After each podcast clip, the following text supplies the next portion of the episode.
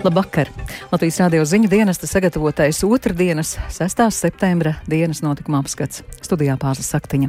Un vispirms īsies skats rēdījuma tematos. Valdība atbalsta valsts aizsardzības dienas ieviešanu. Pirmais iesaukums gaidāms janvārī.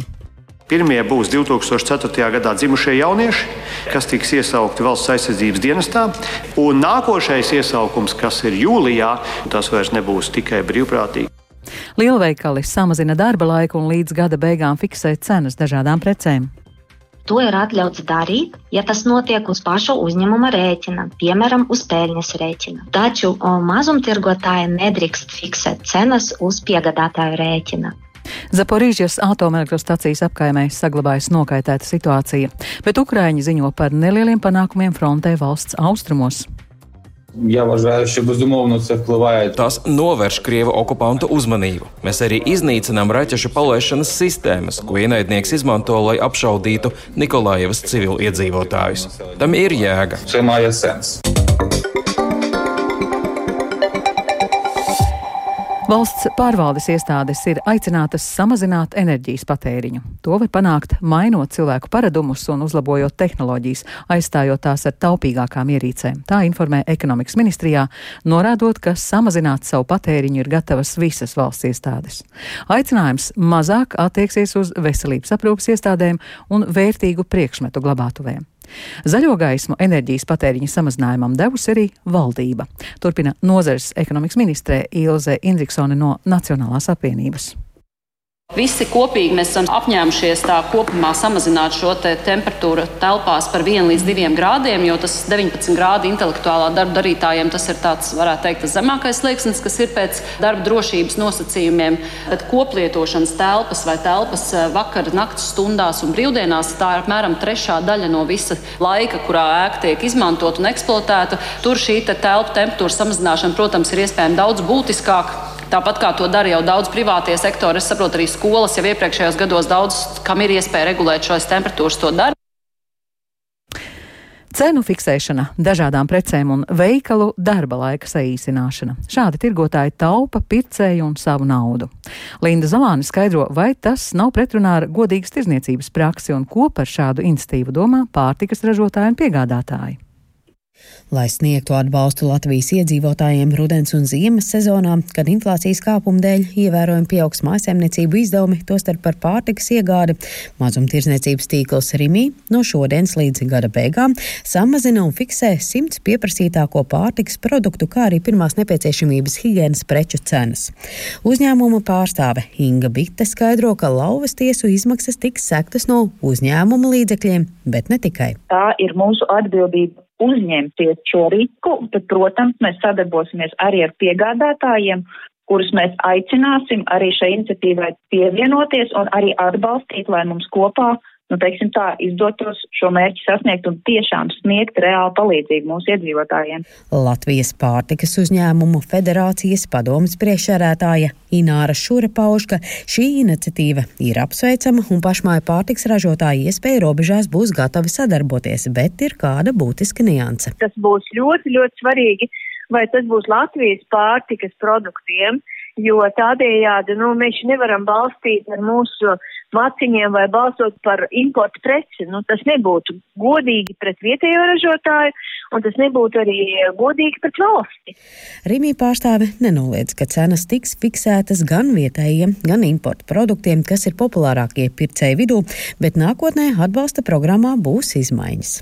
To simts produktu sarakstā noteikti ir arī vietējie ražotāji. Jā, nu proporcija precīzi gan man diemžēl nav zināma šobrīd. Nākamais aspekts, ko mēs nākamajos soļos plānojam izskatīt, ir tieši šis lokālais vietējo ražotāju atbalsts. Latvijas pārtikas tirgotāju asociācijas izpildirektors Noris Krūzītis pauž, ka cenu fiksēšana un dažādu akciju piedāvāšana ir tikai viens no rīkiem, kā tirgotājs var nodrošināt zemākas produktu cenas. Protams, ir vēl viens variants meklēt lētāko iepirkumu. Šeit gan var būt jāskatās plašāk, ne tikai Latvijas, bet uh, Baltijas, pat ārpus Baltijas mēroga, kur varētu iepirkt lētāk produktus un pēc tam, protams, atvest uz Latviju.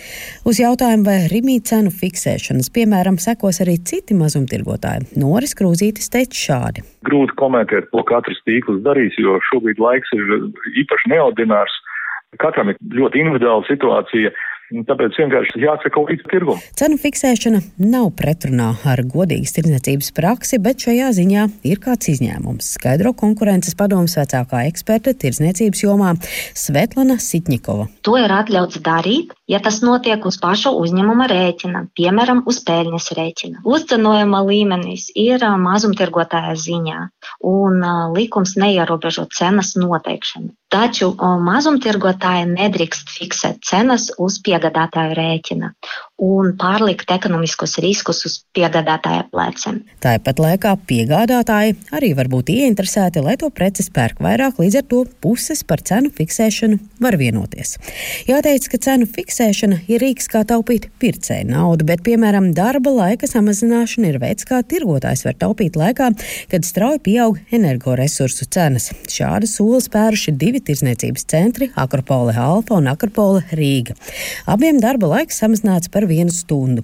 Iepirkšanās centra Akropole Alfa vadītāja Zane Kaktiņa stāsta, kā uzņēmums jau vairākus gadus taupa elektrību. Apgaismojuma intensitāte teiksim, automātiskā apgaismojuma ieslēgšanās, izslēgšanās vai eskalātora darbības un tā tālāk. Proti visu iekārtu darbība, kas atrodas iepirkšanās centros, ir pārdomāta, lai tās strādātu taupības režīmā. Linda Zalāne, Latvijas radio. Valdība šodien atbalstīja izmaiņas imigrācijas likumā, nosakot stingrākus nosacījumus uzturēšanās atļauju izsniegšanai Krievijas un Baltkrievijas pilsoņiem. Tādējādi līdz nākamā gada vidum tiks pārtraukta atkārtota uzturēšanās atļauju izsniegšana lielai daļai ārvalstnieku. Tiesību aktā iekļaut arī prasība bijušajiem Latvijas pilsoņiem un nepilsoņiem, kuri līdz šī likumprojekta spēkā stāšanās brīdim saņēmuši pastāvīgās uzturēšanās atļaujas, pierādīt valsts valodas zināšanas. Šī prasība varētu varētu attiekties uz 22 tūkstošiem ārzemnieku. Nežēlīgais karš Ukrainā ir motivējis vald valdību atbalstīt ilgi apspriesto obligāto dienestu, kurā vīriešus plāno iesaukt jau no nākamā gada, bet sievietes brīvprātīgi vairākus gadus vēlāk. Aizsardzības ministrijas ideju atbalstījušas arī citas ministrijas, vienlaikus norādot, ka pastāv arī riski, un vairāk Viktora Demīdova ierakstā. Valsts aizsardzības dienesta izveidēja zaļo gaismu šodien deva valdība, kas noteikusi, ka dienestā būs jāpiedalās vīriešiem vecumā no 18 līdz 27 gadiem, savukārt sievietēm brīvprātīgi no 2028. gada, tādējādi nodrošinot maksimāli plašu pilsoņu iesaukšanu. Paredzēts, ka mobilizētie pildīs 11 mēnešus Nacionālo bruņoto spēku regulāro spēku vai zemesardzes vienībā, vai ne mazākā piecus gadus zemesardzē kopumā. Pirmos vīriešus dienestā plānots iesaukt jau pēc vairākiem mēnešiem, turpina aizsardzības ministrs Artis Pabriks no attīstībai par. Pirmie būs 2004. gadā dzimušie jaunieši, kas tiks iesaukti valsts aizsardzības dienestā. Mēs eh, nākošā gada janvāra beigās plānojam pirmos 500 cilvēkus tomēr mēģināt rekrutēt uz brīvprātības principiem. Un nākošais iesaukums, kas ir jūlijā, tur jau tad mēs plānojam valsts balstīties uz šo izvēles kārtību, un tas vairs nebūs tikai brīvprātīgs. Tas nozīmē, ka mēs, protams, arī mēģināsim šos 500 cilvēkus obligātā veidā nokomplektēt. Dienestu pildīs arī personas, kuras studē un strādā. Paredzēts, ka darba devējam vai izglītības iestādē būs jāatbrīvo persona no darba vai studijām, saglabājot darba vietu vai tiesības turpināt mācības. Dienestā nebūtu ieteicami pilsoņi, kuriem ir veselības problēmas, sodāmība, kuriem ir arī kādas citas valsts pilsonība un kuri jau ir dienējuši šīs valsts militārajā dienestā vai pildījuši alternatīvo dienestu. Tas attiecas arī uz pulkveža Oskara Kalpa Kalpaka profesionālās vidusskolas absolventiem un pilsoņiem, kuri ir bērna vienīgie vecāki. Projektu atbalsta citas ministrijas, taču, lai to ieviestu, darba vēl ir daudz, uzsver veselības ministrijas valsts sekretāre Indra Dreika. Viens ir šis ir ģimenes ārstu noslogojums, bet es ticu, ka mēs tur atradīsim risinājumu pārējais periodā, vienojoties ar ģimenes ārstiem, ka viņi vienkārši izsniegs izziņu par visu veselības šo spektru jaunītim, kurš ir pakļauts iesaukšanai. Un otrs ir tas, ka mums bērnu zobārstniecībā arī ir diezgan liela spriedze un tāda noslodze, un mēs neesam sistēmu aprēķinājuši uz to, ka mums caurmērā 11,000 jauniešu viena gada laikā būtu obligāti vēl jānovirza pie bērnu zobārstiem. Līdz ar to šīs ir arī lietas, kuras mēs risināsim pilnīgi noteikti. Savukārt kultūras ministrs Nauris Pundulis no Nacionālās apvienības atceras padomju laika sistēmu, kad arī jaunus cilvēkus iesauca dienestā, lai no tā izbēgtu jaunieši devušies studēt. Iespējams, ka mēs kā nācija varbūt nebūtu tajā laikā tik izglītota, ja tik daudz nebūtu šo izmantojuši kā iespēju iestāties augstskolā. Es ceru, ka jums viss ir, šis ir ļoti labi izdomāts arī ilgtermiņā, kāda ir tā korelācija starp šo un augstskolu studentiem. Pabriks dienestu vēlas padarīt ne tikai par patriotisku pilsoņu uzdevumu, bet arī par prestižu un jēgpilnu. Izvairīties tā nevarēs, bet eh, īstenot savus sapņus, teiksim tā, un vienlaikus arī esot valsts dienestā, būs iespējams. Ieviešot dienestu profesionālo karavīru skaitu paredzēts palielināt par dažiem tūkstošiem, sasniedzot 31 tūkstoti karavīru. Paralēli tam veidojot augstas gatavības rezervi 20 tūkstošu karavīru apmērā. Par valsts aizsardzības dienesta izveidi vēl ir jālem saimai. Viktors Demidovs, Latvijas radio. Un kamēr ministrs spriež par valsts aizsardzības dienestu ieviešanu, valsts kontrole kritizē pašreizējo un aicina darīt vairāk jaunu karavīru piesaistēji. Demogrāfijas negatīvās tendences un starptautiskā drošības situācija prasa proaktīvu rīcību jauno speciālistu piesaistēji un noturēšanai nacionālajos bruņotajos spēkos. Līdz šim lielākā uzmanība pievērsta esošā personāla noturēšanai dienestā, nevis jauna piesaistīšanai. Tā Latvijas radio teica valsts kontrolas padomas locekle Kristīne Jaunzeme. Tas, ko mēs redzam, pamatā Nacionālo bruņoto spēku personāla politika ir vērsta uz noturēšanu dienestā pēc iespējas ilgāk, un uh, daudz mazāk ir tādu motivējoši un tieši mērķēti pasākumi tieši jauno karavīru piesaistēji. Vairāk nekā 80% karavīri ir uh, augstāko pakāpju kategorijās, proti instruktori un virsnieki, un, un tikai mazāk kā 20% ir karavīri ieejas pozīcijās dienestā. Un ja mēs ilgtermiņā šādā veidā turpinām, tad ar tik mazu jaunpienācēju skaitu ilgtermiņā mums var būt izaicinājums nokomplektēt um, instruktorus, uh, nokomplektēt virsnieku sastāvu. Cerot novērst 19. septembrī plānoto pedagoģu streiku, Latvijas izglītības un zinātnes darbinieku arotbiedrības un izglītības un zinātnes ministrijas izlīguma sarunās šodien iesaistījusies arī Saimas izglītības kultūras un zinātnes komisija. Ko abas puses ziņoja komisijas sēdē, stāstīja Puķe. Saimas sēdes gaisotne bija visai saspīlēta, jo arotbiedrības lūgtajam algu paaugstinājumam, ko pedagoģi cer sagaidīt jau 2023. gadā, pagaidām nav apsolīts valsts finansējums. Prasību summa nākamajam gadam ir 139 miljoni eiro. Saimas atbildīgās komisijas sēdē informēja izglītības un zinātnes ministrs padomnieks juridiskajos jautājumos Jānis Ozols. Arotbiedrības vadītāja Inga Vanaga deputātiem gan norādīja, ka pašas ministrijas finanšu aprēķini ir mainīgi un dažkārt tajos tiek pieļauts kļūdas pat 10 miljonu eiro apmērā. Turklāt pašlaik sagatavot tikai pusi no vajadzīgajiem mācību materiāliem. Rīt paredzēta pēdējā pedagoģa streika izlīgšanas komisijas sēde. Un rīt pirms streika izlīguma saruna trešajā kārtā izglītības ministrija skolotājiem varētu piedāvāt jaunu iespēju algu palielināšanai. Tā var secināt pēc ministras padomnieka konservatīvo politiķa Jāņa Ozola sacītā Latvijas radio. Viņš atklāja, ka valdība pedagogiem nevar solīt viņu prasītos papildus 140 miljonus eiro algām, taču ar finanšu ministru un premjeru runājot par iespējām, ko piedāvāt ar streiku draudošajiem kopējo prasību sadaļas ir milzīgas. Līdz ar to mēs skatāmies, kura sadaļa varbūt ir apmierināma, kur var atļauties šī budžeta ietvaros um, uh, apmierināt. Un to neapšaubām nelēma tikai viena pati izglītības ministrija, tas ir tomēr jāskatās viss valsts budžets kopumā. Un ir kādi varianti varbūt? Nu, šobrīd es nenosaukšu, jo tieši šobrīd notiek šīs sarunas, un rītdien tātad tiks, uh, šie varbūt tie priekšlikumi tiks prezentēti līdzdē. Šī pretruna iestājusies, ka mēs kā valdība nesredzam, kā varētu līdzes prasības ietērpt budžetā. Nokaitēta situācija saglabājas Zaporīžas atomelektrostacijas apkaimē. Šodien spēcīgs sprādziens nogranda spēkstacijai blakus esošajā Endhadaras pilsētā. Tikmēr smagas cīņas turpinās Hersons apgabalā, ko Ukrainas karaspēks mēģina atbrīvot no Krievijas okupācijas. Ukraiņi ziņo par nelieliem panākumiem arī frontē valsts austrumos, un vairāk stāsta Uldis Česberis. Gandrīz ikdienu pienāk ziņas par apšaudēm Krievijas karaspēka sagrābtās Zaporīžas atomelektrostacijas tūmā. Vakar apšaudes rezultātā aizdegās vienīgā augstsprieguma līnija, kas spēkstaciju savieno ar Ukrainas energotīklu. Šodien atomelektrostacijai pieguļošajā Enerhodarā atskanēja sprādziens, pēc kura pilsētā pazuda elektrība un ūdens padeve. Krievijas propagandas medija apgalvo, ka pilsētu esot apšaudījuši Ukrainas bruņotie spēki, bet Ukraiņi notikušajā vaino iebrucējus. Nedroša situācija Zaporīžas atomelektrostacijā saglabājas laikā, kad tur atrodas vairāki starptautiskās atomenerģijas aģentūras eksperti. Bija plānots, ka šodien aģentūra publicēs ziņojumu par ekspertu misijas redzēto Zaporīžas atomelektrostacijā.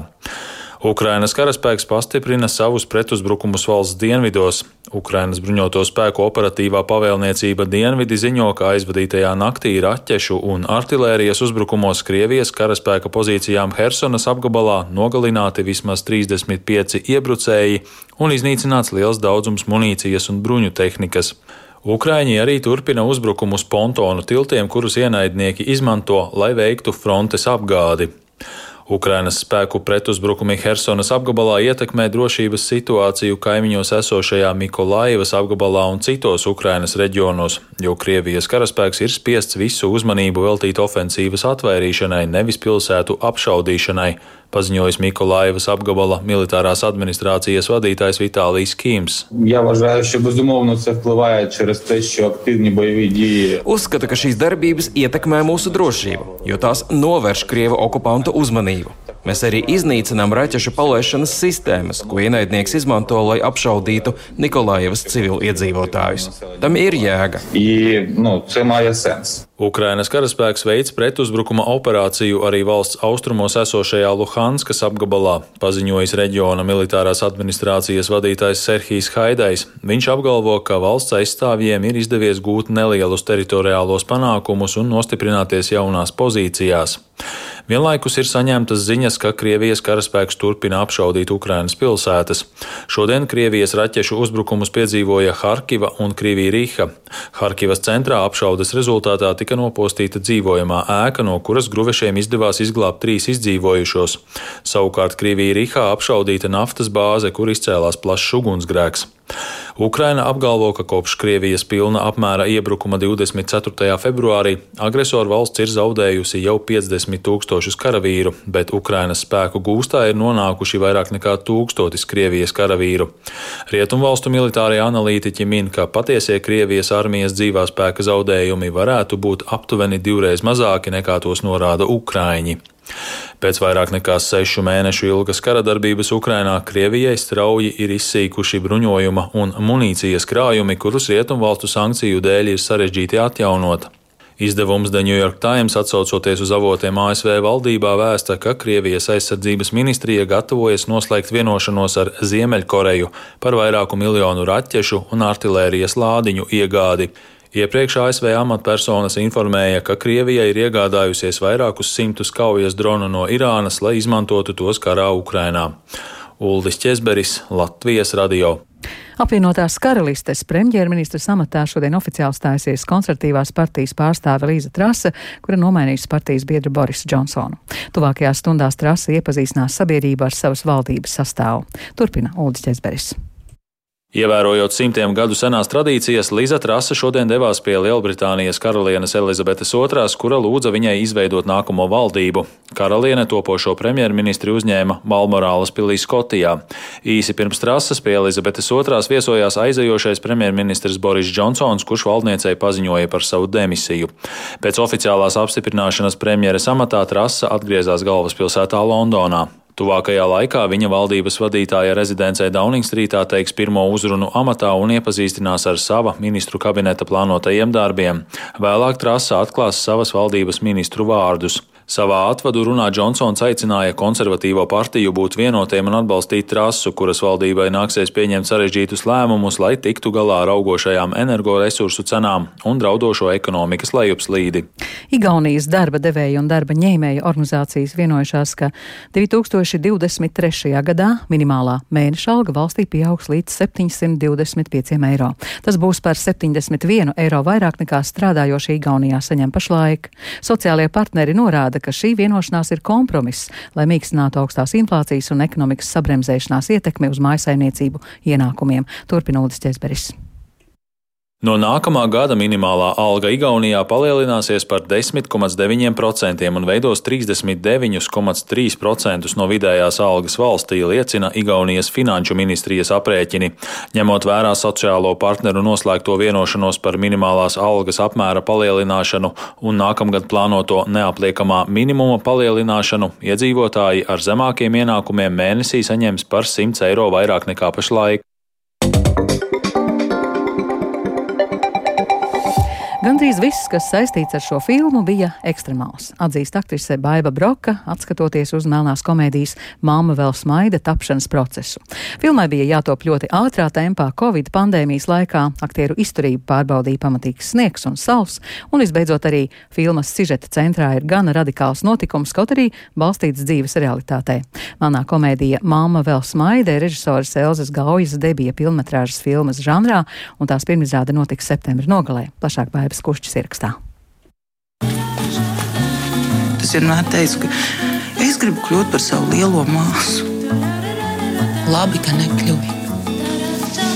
Par sižeta metu Elza Gauja filmā izmantoja stāstu, kas dažādos variantos klīst apkārt pa Latviju, ka ir gadījumi, kad cilvēkiem ārzemēs nomirst tuvinieks, bet viņiem nav naudas repatriācijas izdevumiem, un viņi atrod dažādus nelegālus ceļus, kā tuvinieku pārvest mājās. Es esmu dzirdējis dažādas variācijas šim stāstam, kā tā mamma nav vēsta. Tur citi stāsta, ka kontrabass Čeholā, citi stāsta, ka ietīta paklājā bagāžniekā. Nu, varianti ir visādi. Tad nu, mēs izdomājām izveidot savu interpretāciju par šo nostāstu, kas klīst apkārt. Elzas Gaujas versijas centrā ir trīs māsas, kas dodas riskantā braucienā cauri Eiropai, lai nogādātu savu to mirušo cilvēku līdz dzimtas kapsētai Latvijā.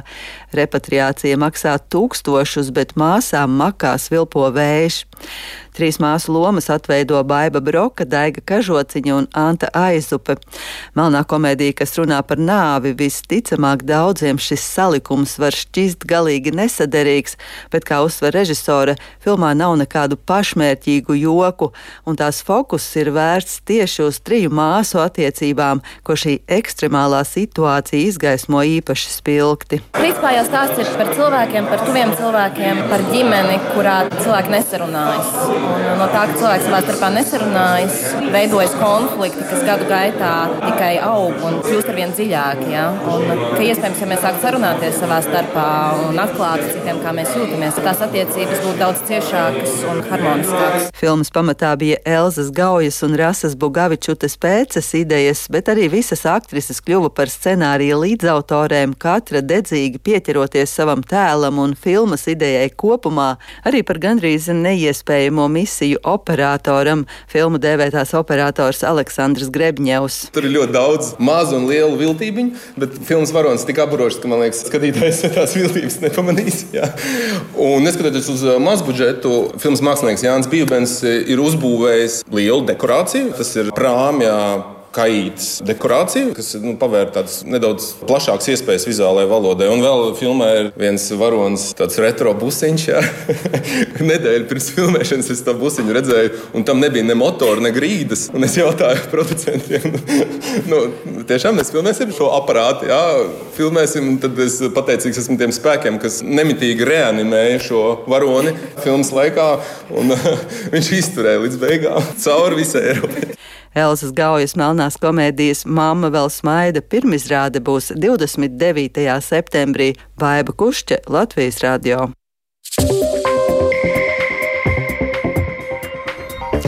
Izskan dienas notikuma apskats, producents Edgars Kupčs, ierakstus montēja Renāša Steimanis, par labskaņu rūpējās Katrīna Bramberga, ar jums runāja Pāzlas Saktiņa. Vēlīs par svarīgāko valdība atbalsta valsts aizsardzības dienas ieviešanu, pirmais iesaukums gaidāms janvārī, lielveikali samazina darba laikus un līdz gada beigām fiksē cenas dažādām precēm. Zaporīžas atomelektrostacijas apkaimē saglabājas nokaitēta situācija, bet Ukraiņi ziņo par nelieliem panākumiem frontē valsts austrumos. Latvijas radio ziņām sekojiet arī Latvijas radio viens Facebook lapā un LSMLV. Klausieties mūs arī Latvijas radio mobilajā lietotnē.